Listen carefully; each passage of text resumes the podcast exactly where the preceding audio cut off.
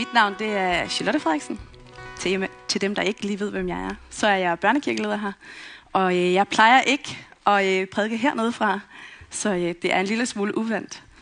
Men jeg fik et godt råd øh, lige inden, og det var, øh, husk at alle dem, der sidder her, alle dem, der ser med på stream, det er børn, der bare er blevet voksne i mellemtiden. så jeg tænker, jeg er på hjemmebane. I søndags der startede øh, Michael temaet omkring familie. Og selvom ordet det klinger en øh, smule af biologi, så er det øh, både øh, familie i sådan den helt nære øh, relation, men det er også det begreb, der bedst beskriver kirkefamilien. Så lyt med, som i øh, det, jeg siger, er både til den nære familie, men det er også til os som fællesskab. Vi skal sammen kigge på øh, temaet tro i familien. Og helt fra begyndelsen, der var vi skabt til at leve i relationer. Hvor vi opfostrede den næste generation. Nyfødte babyer, de ville ikke have haft en chance for at overleve, hvis ingen havde forpligtet sig til kærligt at opfostre dem. Vi som mennesker er gensidigt afhængige af hinanden, og vi udvikler os ved at leve tæt sammen med andre. Sådan er det også med troen. Vi er skabt til at leve i fællesskaber, hvor det at dele tro og kærligt udfordre hinanden, er det, vi skal. Missionsbefalingen siger det egentlig ganske klart. Lad mig lige se, om jeg kan finde ud af det her. Måske. Der er mange knapper på sådan en her.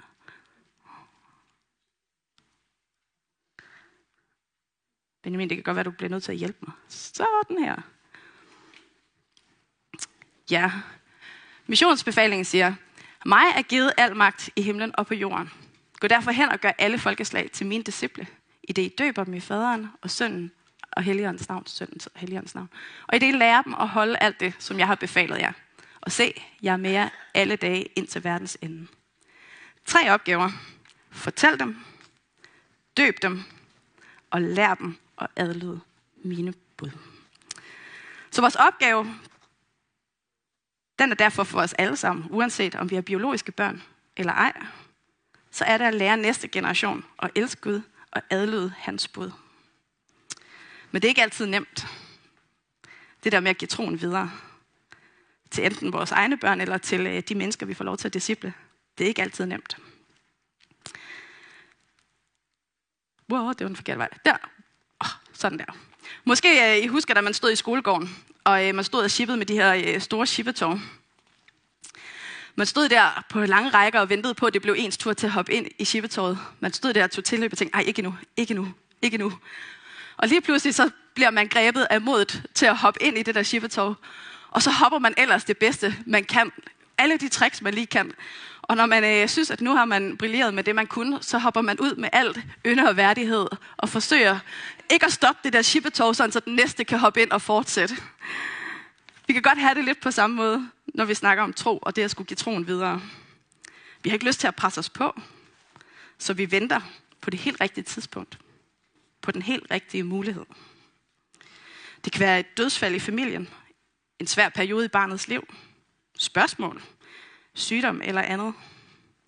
Og når chancen så byder sig, så får den hele armen. Og så kan vi måske godt på ganske kort tid ende ud med at få sagt noget i retning af, Jesus han kan vende alt det svære til noget godt. Han døde på korset, så du kunne gå fri. Han ønsker at bære alle dine byrder, og han lader dig aldrig nogensinde i stikken. Og en dag, så kommer der ikke til at være sorg og smerte mere. En dag, så er vi i himlen igen, for i himlen er alting godt.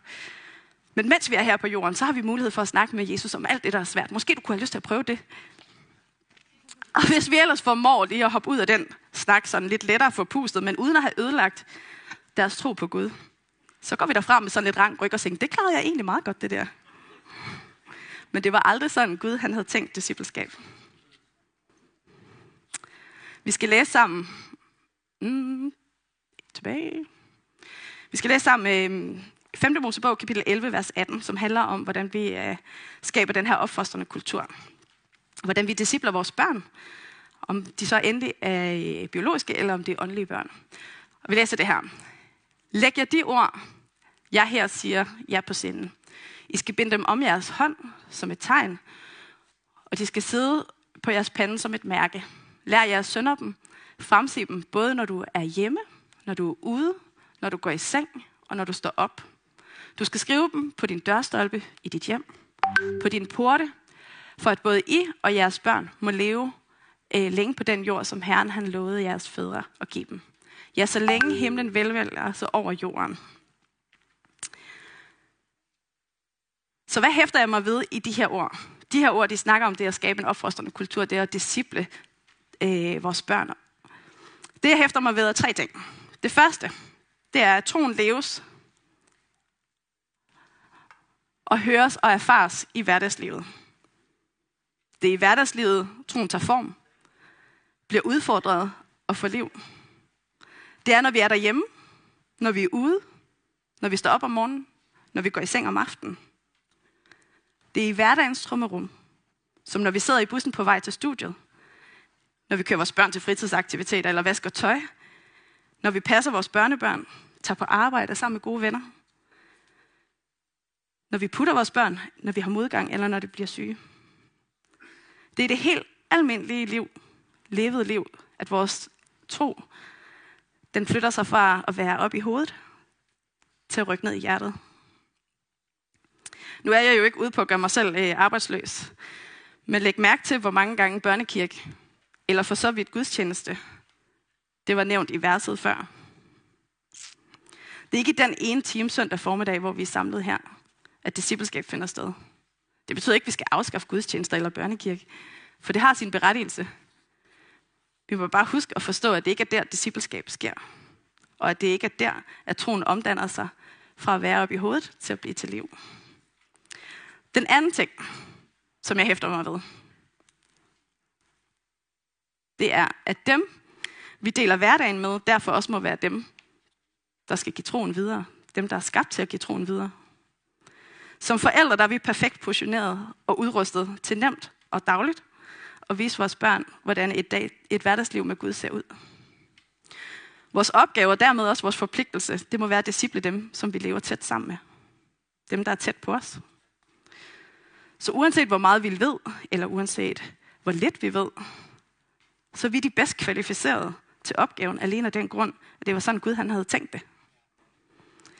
Mennesker vi holder af, og, og som holder af os, de kan være ærlige og kærlige på måder, som kan rykke os og som kan flytte os. Så uanset om vi er biologisk eller åndelige forældre, så lad os tage det mandat på os. Lad os sikre os muligheden for indflydelse. Vær tilgængelige og tage del i de menneskers liv, som vi discipler, og i deres hverdag. Tur at være ærlig, oprigtig, transparent og sårbar. Tur at lade troen være noget fælles. Vi skal passe på, at vi ikke kommer til at gå og putte, os, putte troen med os selv. Vi bliver nødt til at våge at øh, lade nogen komme tæt på vores trosliv, både i gode og i svære perioder. For troen den er personlig, men den er ikke privat. Vi havde Dinner Disney i fredags, og øh, Dinner Disney er sådan et øh, fællesskab for børnefamilier i kirken, hvor øh, vi mødes og spiser sammen, og hvor vi øh, har et oplæg og snakker om tro, og så ser vi Disney Show, spiser slik og alt muligt andet. I fredags der snakkede vi om øh, frygt, for det slog mig, at uanset hvor gammel man bliver, så vokser man aldrig nogensinde for frygt. Frygt bliver ved med at følge os. Og jeg har taget øh, en tegning med. Den er meget fin, ikke? Fordi både børn og voksne blev udfordret til at gå op og tegne ting, som de frygter. Ting, som de er bange for. Og på den her tegning er der alt muligt forskelligt. Der er rigtig meget om øh, frygten for at miste mennesker, man holder af. Der er også bange for en masse dyr. Der er også bange for at fejle, eller bange for, hvad andre mennesker tænker. Bange for ikke at have penge nok. Bange for at være alene. Alle mulige fine ting fik vi tegnet og skrevet op. For frygt, det kæmper vi alle sammen med. Men det, der var så fint, det var, at børn de har brug for at se, at voksne går igennem nogle af de samme svære ting, som de også selv gør. De har brug for at se voksne, som tør at øh, stå ved, at de også mærker frygt, men som også kan vise dem, hvordan håndterer jeg det så, når det opstår. Hvor går jeg hen med det, og hvad gør jeg? Er den ikke ret fin? Den bør næsten komme i rammen.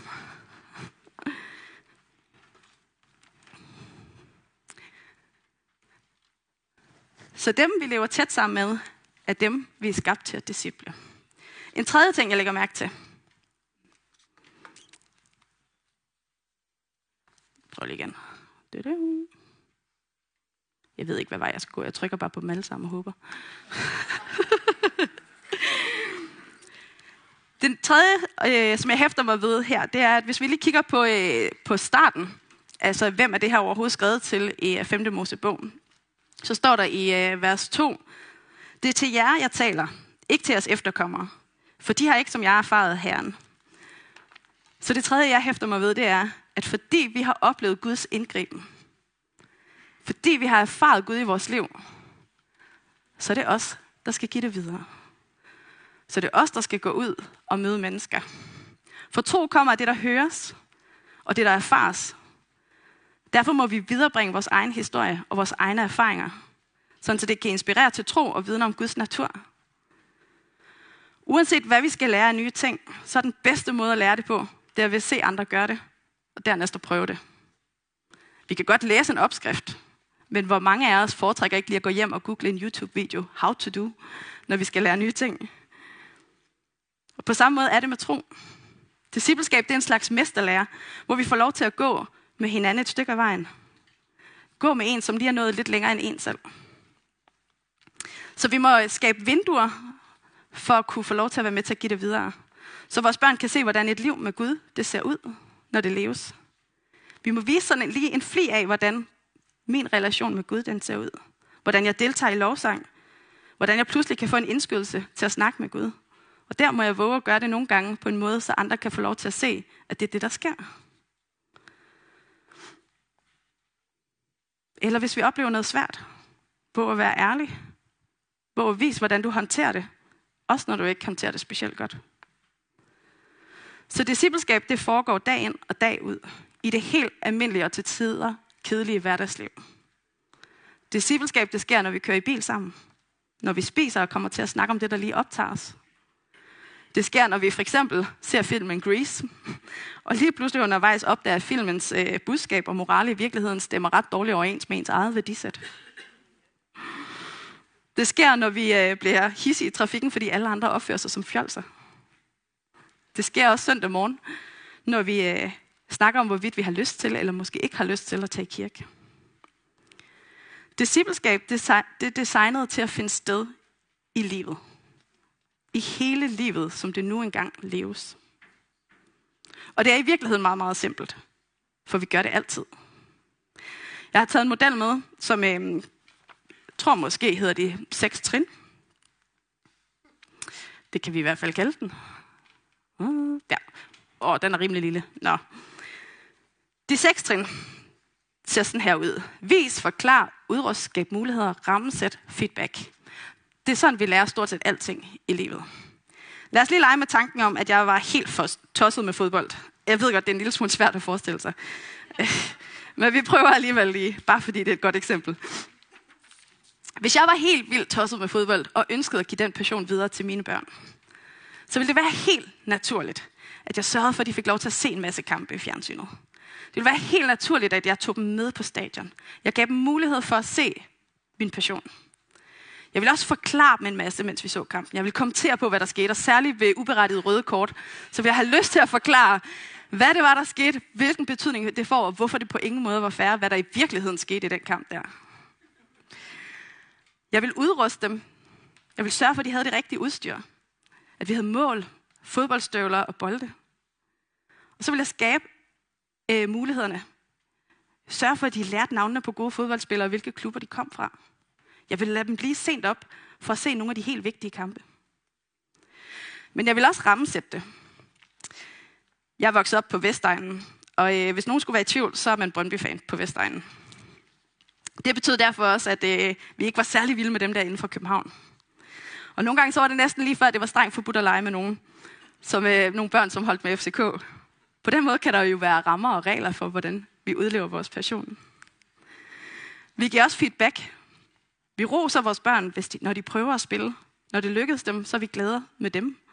Vi giver dem konstruktiv feedback og siger, ah, der er måske noget her, der skal justeres, eller noget, du lige skal øve dig lidt på. Feedback, det handler om at fejre deres succes og bære deres nederlag sammen med dem.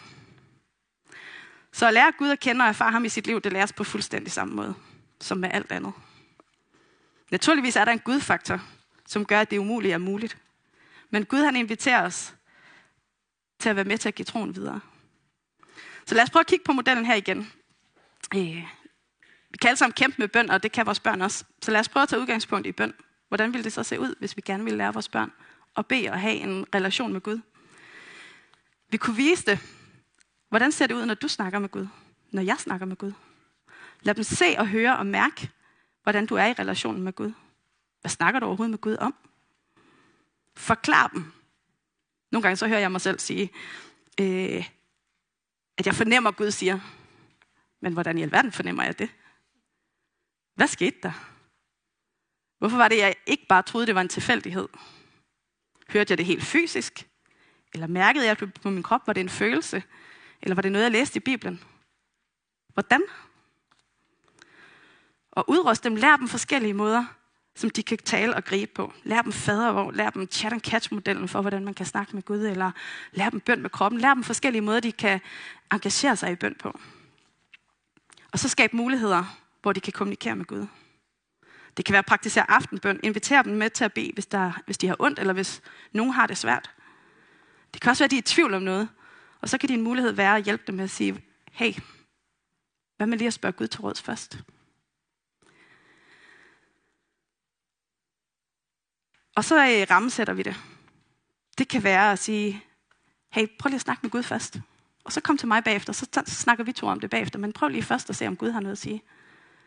Det kan også være at sige, hey, det er helt, helt okay, du ikke har lyst til at snakke med Gud lige nu. Men det har jeg. Så i respekt for mig, så vær lige stille imens. Man må godt skabe nogle rammer for, hvordan et bønsliv ser ud. Og så giver vi feedback. I talsæt, når du ser, at dine børn de erfarer Gud. Hmm, jeg ser, at det gjorde dig godt at snakke med Gud, eller jeg kan se, at du er frustreret over, at du ikke hører noget fra Gud. Vi glemmer nogle gange nogle af de her trin, når det handler omkring tro. Så viser vi måske bare enkelte dele, rammesætter det og siger, at det er sådan her, vi gør det. Så kom. Det kan også være, at vi viser dem det nogle gange, men glemmer at forklare dem, hvorfor vi egentlig gør tingene. Og når vi glemmer nogle af trinene, så får de ikke lov til at se hele billedet. Så får de ikke lov til at lære det. Vi kan bruge den her sekstrinsmodel på alt, hvad vi ønsker at lære dem omkring tro. Om det er at snakke med Gud eller gribe for Gud. Om det er at lære at elske Bibelen og læse i Bibelen. Interagere i lovsang. Forstå nadver. Elske kirke og det fællesskab, kirken er. Hvis vi lærer, ønsker at lære dem at give økonomisk, eller at række ud, have omsorg for andre, eller stole på Gud. Det er den samme model hver gang, uanset hvad vi gerne vil give videre, og hvad vi gerne vil lære. Så karikeret sagt, så kan man sige, at øh, gudstjeneste, det er fejring af troen og af fællesskabet. Men discipleskab, det er alt det, der sker imellem søndagene. Alt det, der sker i det levede liv. Du og jeg er den bedste til at disciple de mennesker, vi lever tæt sammen med. Du og jeg er udvalgt til den opgave, det er at give troen videre. Det handler ikke om store forkromede planer. Det handler om at gøre det som en helt naturlig del af hverdagen. Du har fået troen, fordi nogen var med til at give den videre til dig. Nu er det din tur til at give den videre til den næste generation. Så hvem discipler du? Hvem er du helt naturligt placeret til at tage dig af? Nu giver jeg stafetten videre til Lena, og så kommer hun til at tage over på øh, det mere praktiske også. Tusind tak, Charlotte. Jeg skal ikke lige give hende en klap. Jo, så kan jeg lige stille mig ind her.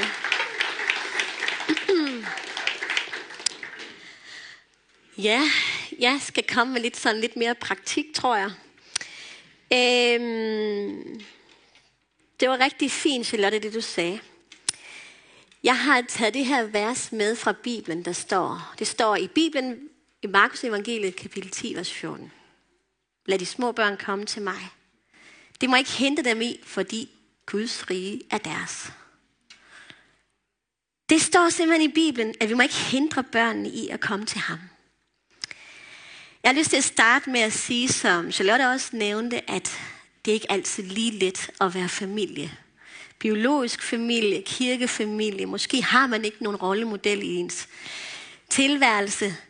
Og øh, det er ikke altid lige så nemt at få til at jonglere alt det her med familie. Eller øh, Måske er vi også i forskellige perioder i vores liv, om vi tager, kan tage børnene med eller ej, og altså nogle ting her med i kirke. Og discipleskab. Hvordan ser det ud, og hvornår får jeg overhovedet tid til at disciple nogen? Vi har jo ikke selv bestemt vores familie, men vi kommer ikke, eller hvem vi kommer i kirke med. Vi har ikke selv bestemt, hvad for en søskenflok vi er født ind i. Eller om vi har nogen, vi kan se hen på. Eller hvordan man opdrager. Er der en eller anden form for manual? Vi kan heller ikke altid finde ud af, hvordan vi skal navigere i kirke, familie, arbejde og alle de her ting. Det er lidt af en jungle. Men vid, at du ikke er den eneste, der står i den situation. Der er altid nogen, der er gået forud for dig. Øhm, måske er du unik, men din situation er ikke sådan helt vildt unik. For eksempel, hvis man er gravid, så tænker man, åh, oh, der er ingen, der har prøvet min forfærdelige fødselshistorie. Altså, det tror jeg sådan cirka, der er nogen, der har, for der er rigtig mange mennesker, der er blevet født. Eller er der nogen, der kan tænke, at jeg har prøvet at miste på en forfærdelig måde. Det er sikkert ingen andre, der har prøvet.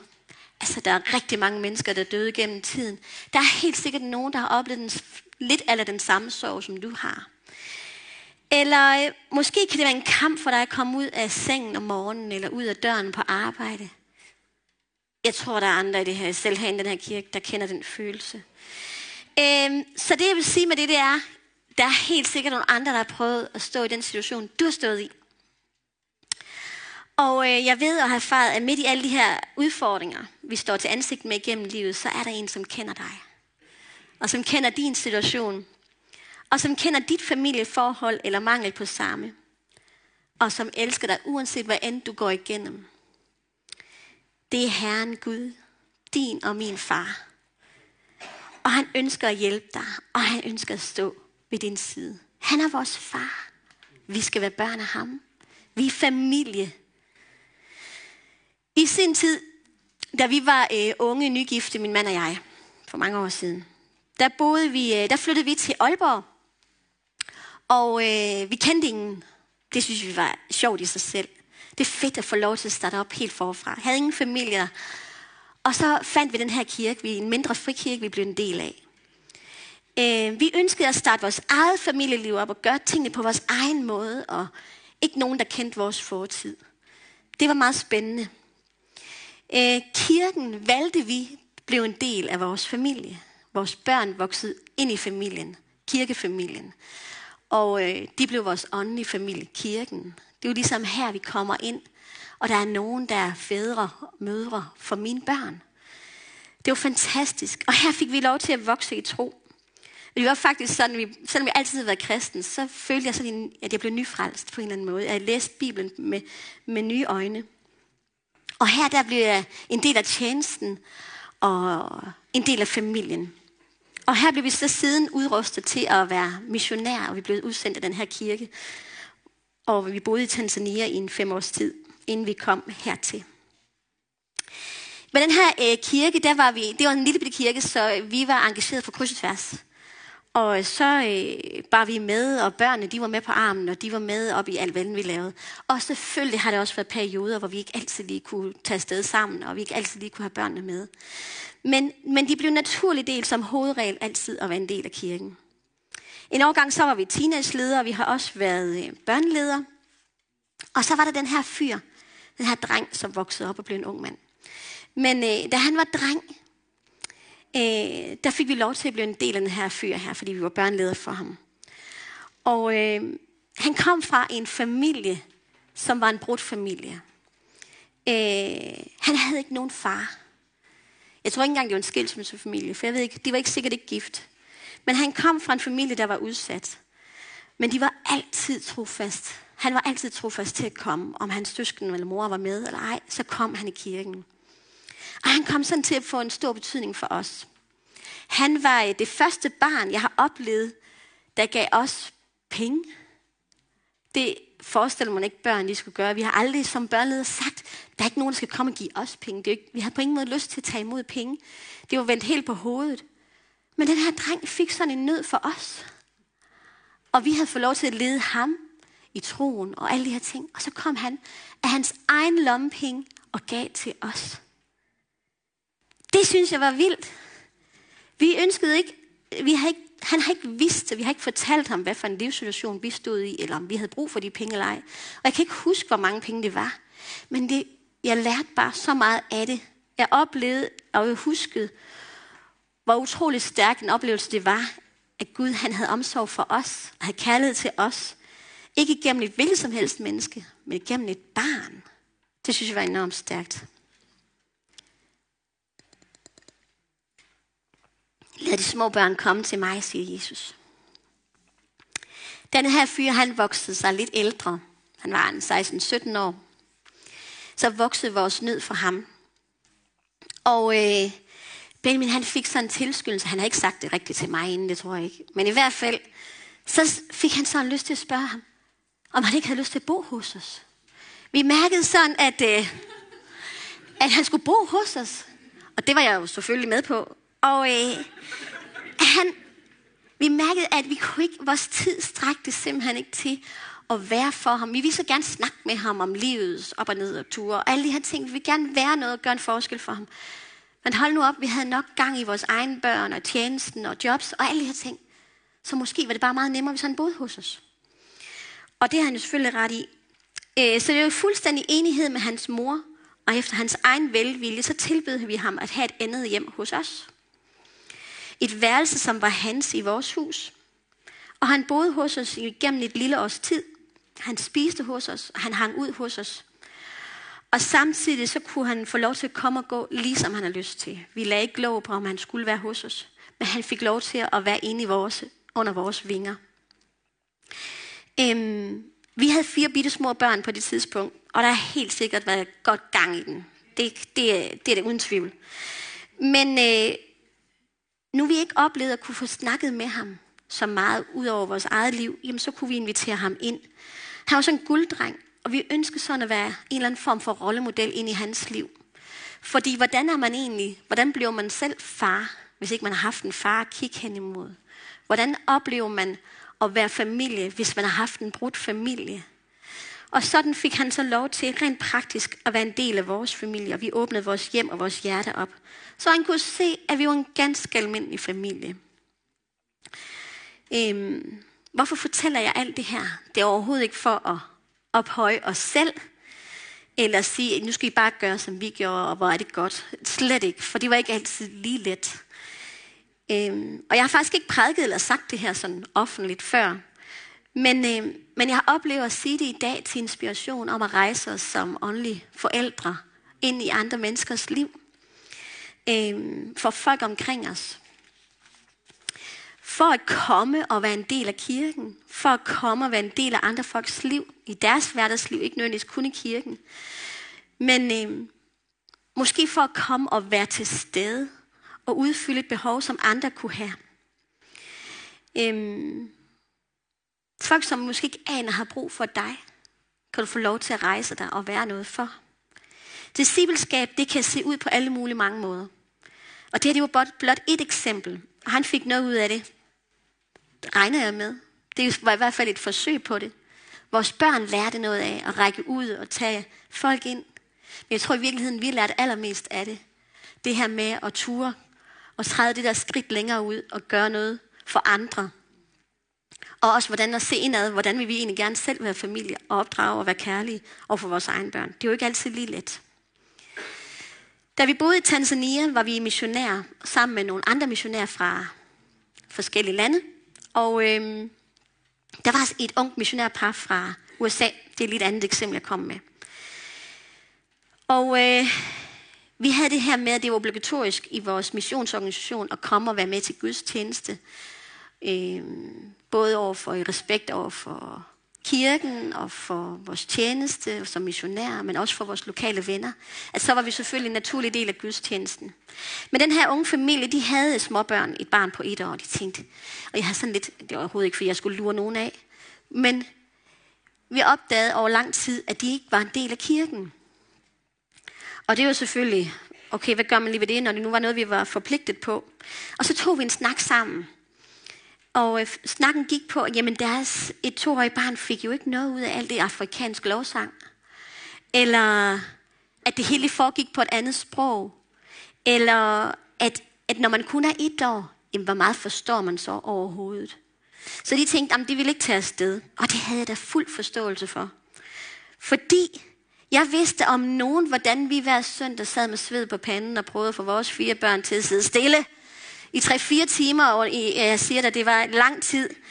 Og det var ikke altid lige det let at sidde der til gudstjeneste. Det er altså lidt en anden version i den, vi tilbyder her.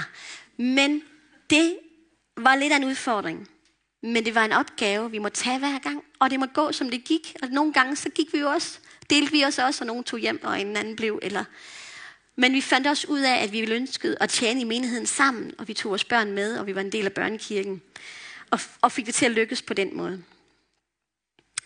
Men, øh, men jeg ved, hvad Jesus han siger. Lad de små børn komme til mig. Det må ikke hindre dem i. Jesus sagde ikke nogen bestemt alder, eller dem uden, eller, eller dem over eller under en bestemt alder, men de små børn. Og der er sådan en kraft i Jesus ord. Og hvem er vi for resten til at finde ud af, hvad børnene forstår og ikke forstår? Vi er jo ikke selv et år længere. Vi ved jo ikke, vi kan ikke huske, hvordan det var at være et år. Eller to år, eller tre år. Men vi ved, hvad det vil sige at mærke en atmosfære. En himmelsk fylde. Et kys fra himlen.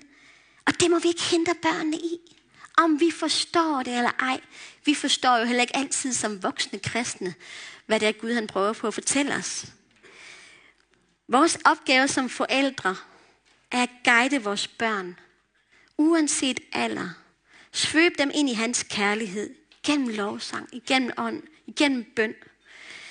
Du kan også glæde børnene til Gud derhjemme.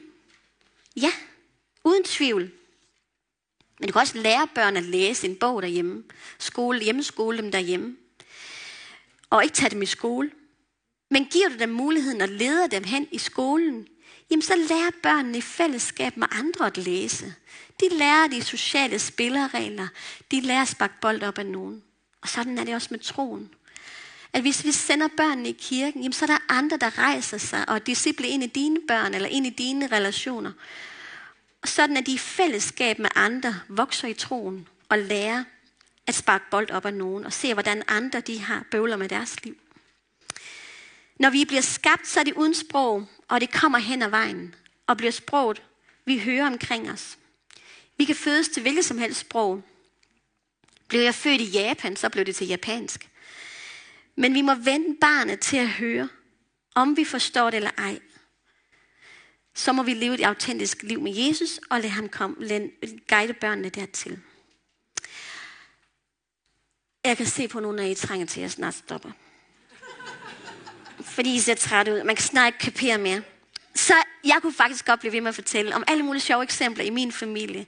Om at være tro ind i, skabe tro ind i børnene, og hvad vi har stået i af spændende ting. Men det, vi er, det, det har jeg til gode til en anden gang. Det jeg bare rigtig gerne vil slutte af med, for nu skal jeg nemlig slutte. Nu har I hørt på, på rigtig meget her. Det er, jeg har lyst til at minde jer om, at, øh, at Gud han er vores far.